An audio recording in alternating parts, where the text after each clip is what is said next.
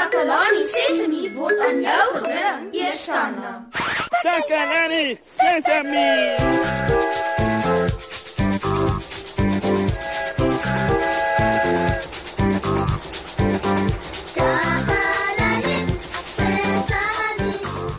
Hallo, hallo, hallo maats. Hoe gaan dit vandag met julle? Baie welkom by nog 'n uitstekende lekker program. En welkom ook aan Tannie Marie by vandag se program. Hallo Tannie Marie. Hallo my liewe Moshe en hallo aan al die maatjies. Ek dink dat Tannie Marie nog 'n fantastiese storie met ons gaan deel. Jy's reg Moshe. Vandag gaan ek 'n storie met julle deel oor wat dit beteken om 'n ware vriend te wees. Ek hou van stories oor vriendskap Tannie Marie.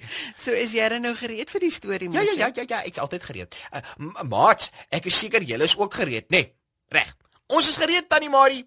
Eendag was daar 'n meisie met die naam van Frida. Sy was so slim meisie en sy het baie daarvan gehou om bal te speel.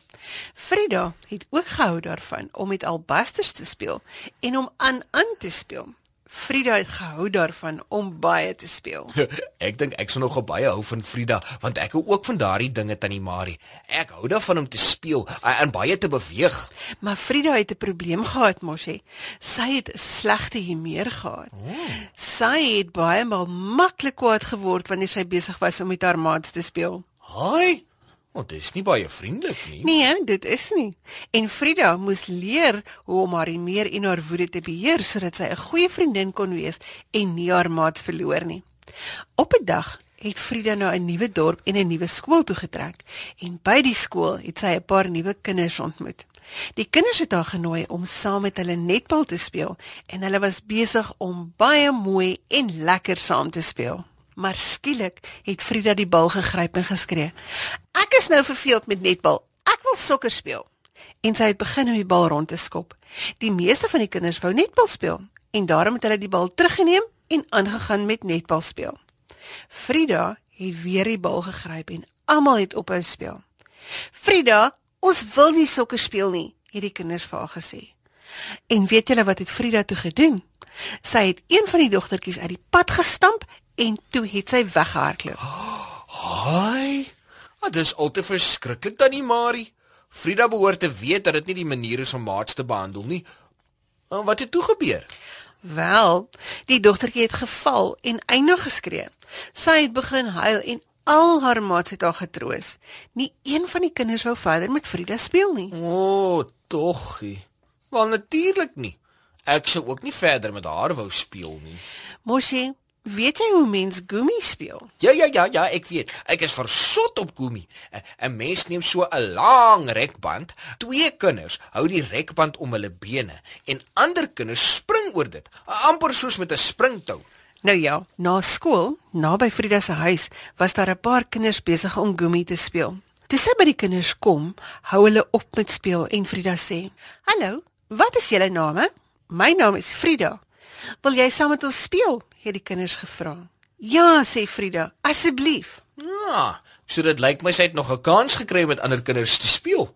Maar dis baie goeie nuus tannie Marie. Dit is goed om 'n tweede kans te kan kry, maar wat gebeur as jy nie uit jou eerste fout uit geleer het nie en aangaan om lelik met jou maats te wees? OK, kan jy nou asseblief die rekband hou sodat ek daaroor kan spring? het die dogtertjie wat Frida genooi het gevra. Maar ek wil eers spring, het Frida geskree. Ons hou dit altyd vir 'n lang ruk. Natuurlik sal jy die kans kry om te spring, maar dit is nou eers my beurt, het die dogtertjie gesê. En die volgende oomblik stamp Frida die dogtertjie eenkant toe. Ag nee. Die dogtertjie het eindig geskree. Sy het begin huil en haar maats het om haar gestaan en haar getroos. Hulle het vir Frida gesê dat sy moet weggaan. Jo jo jo jo jo.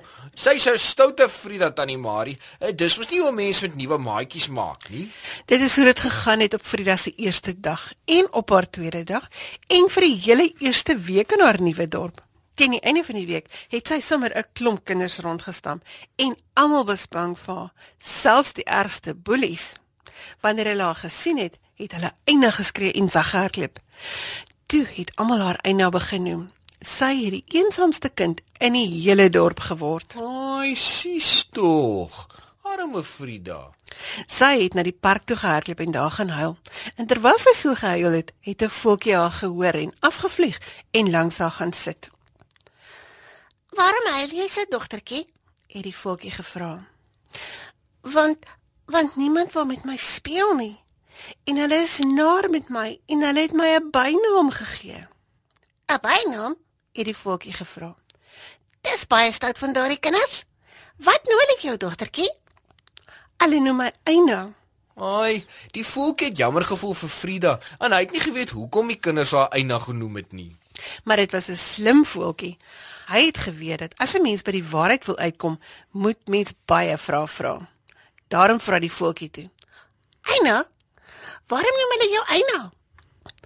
Wa want ek stamp almal en dan sê hulle Eina wanneer ek hulle stamp.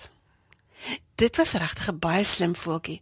Hy het geweet dat as 'n mens iemand wil help om self die waarheid raak te sien, jy moet aanhou vra vra. Daarom vra hy toe. Dink jy die kinders hou daarvan om so gestamp te word? Frida het vir 'n oomblik nagedink en toe geantwoord: "Nee, dis nie lekker om gestamp te word nie. Dit maak 'n mens seer." Teen hierdie tyd het sy opgehou met huil en haar aandag was by die gesprek wat sy besig was om met die voeltjie te voer. Die voeltjie het gevra: Sê die kinders wil nie seer kry nie en daarom hardloop hulle van jou af weg. Die wyse voeltjie het geweet dat die dogtertjie nodig het om te verstaan hoe sy besig was om kinders weg te jaag. Daarom sê hy toe: Hoekom wil jy hulle stamp, Frida? "Want hulle maak my kwaad. Waarom maak dit wat hulle sê jou so kwaad? Want hulle wil nie dieselfde dinge speel as ek nie." So elke keer wanneer jy so kwaad geraak het, was dit omdat jy iets wou hê wat die ander kinders nie wou hê nie. "Ja," het Frida gesê terwyl sy dink. Maar dink jy nie jy kan dit wat jy wil hê op 'n ander manier kry nie? Soos by soos byvoorbeeld as jy so sê ouens, ek wil graag saam met julle netbal speel, maar net vir 'n rukkie. Kan ons dalk eers bietjie sokker speel? "Sjoe, ek het nie daaraan gedink nie," het Frida gesê. Sjoe, wat 'n wyse voeltjie tannie Marie. Ja, hy was 'n baie wyse voeltjie, want toe vra hy: En toe jy 'n beurt wou hê om te spring, wat daarvan as jy net vir jou beurt gewag het? Op daardie manier sou almal 'n kans kry. "Ek sien," het Frida gesê. Die wyse voeltjie sê toe vir haar: As jy 'n goeie maatjie wil hê, dan moet jy jou soos 'n goeie maatjie gedra. Maar dit was nou besig om laat te word. Sy was so lank in die park dat die son al besig was om te sak. Die aandlig was besig om oor die bome te spoel en die sterre was besig om uit te kom. Sy het skielik agtergekom hoe donker dit was en sy het besef sy sal vinnig by die huis moet kom. Ooh, nee. Uh, wat gaan nou met Frida gebeur? Intussen was almal in die buurt al bekommerd oor Frida. Die groot mense en die kinders was besig om oral vir haar te soek. Hulle het flitsse en kersse gehad en hulle het haar naam geroep. Frida! Frida! Hulle was baie bekommerd. Oh, so ek hoop hulle kry haar. Toe Frida hoor hoe al die stemme haar naam roep, haar regte naam, het haar oë sommer vol trane geskiet, want toe weet sy dat almal eintlik omgee. Toe maak sy haar mond oop en sy skree. Hier is ek almal. Ek is hier. Almal het in die rigting van haar stem gestorm en vir haar drukkies en soentjies gegee toe hulle haar kry. En haar ouma het gehuil en haar maat het haar op die rug geklop en almal was baie gelukkig. Toe het Frida gepraat. Ek is jammer dat julle almal bekommerd was oor my. Ek hoop dat al die kinders wat ek so rondgestam met my sal kan vergewe. Ek sal dit nooit weer doen nie. Sy het opgehou om kinders te stamp en elke keer wanneer sy gevoel het dat sy kwaad raak en haar meer gaan verloor, het sy onthou wat die voeltjie vir haar gesê het.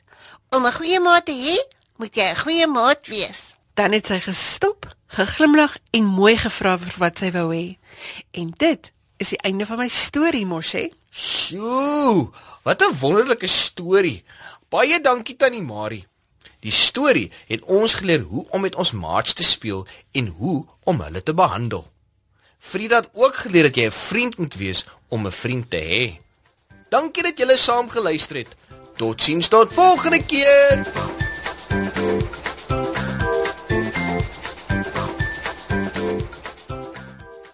Takalani Sesemi is mondelik gemaak deur die ondersteuning van Sanlam. Takalani Sesemi is in pas met die kurrikulum van die departement van basiese opvoeding wat 'n stewige grondslag lê in vroeë kinderopvoeding. Takalani Sesemi word met trots aangebied deur SABC Opvoeding in samewerking met Sesemi Workshop. Vir kommentaar oor hierdie program, stuur asseblief 'n e-pos na takalani.sesemi@sabc.co.za. Ja, ja, ja.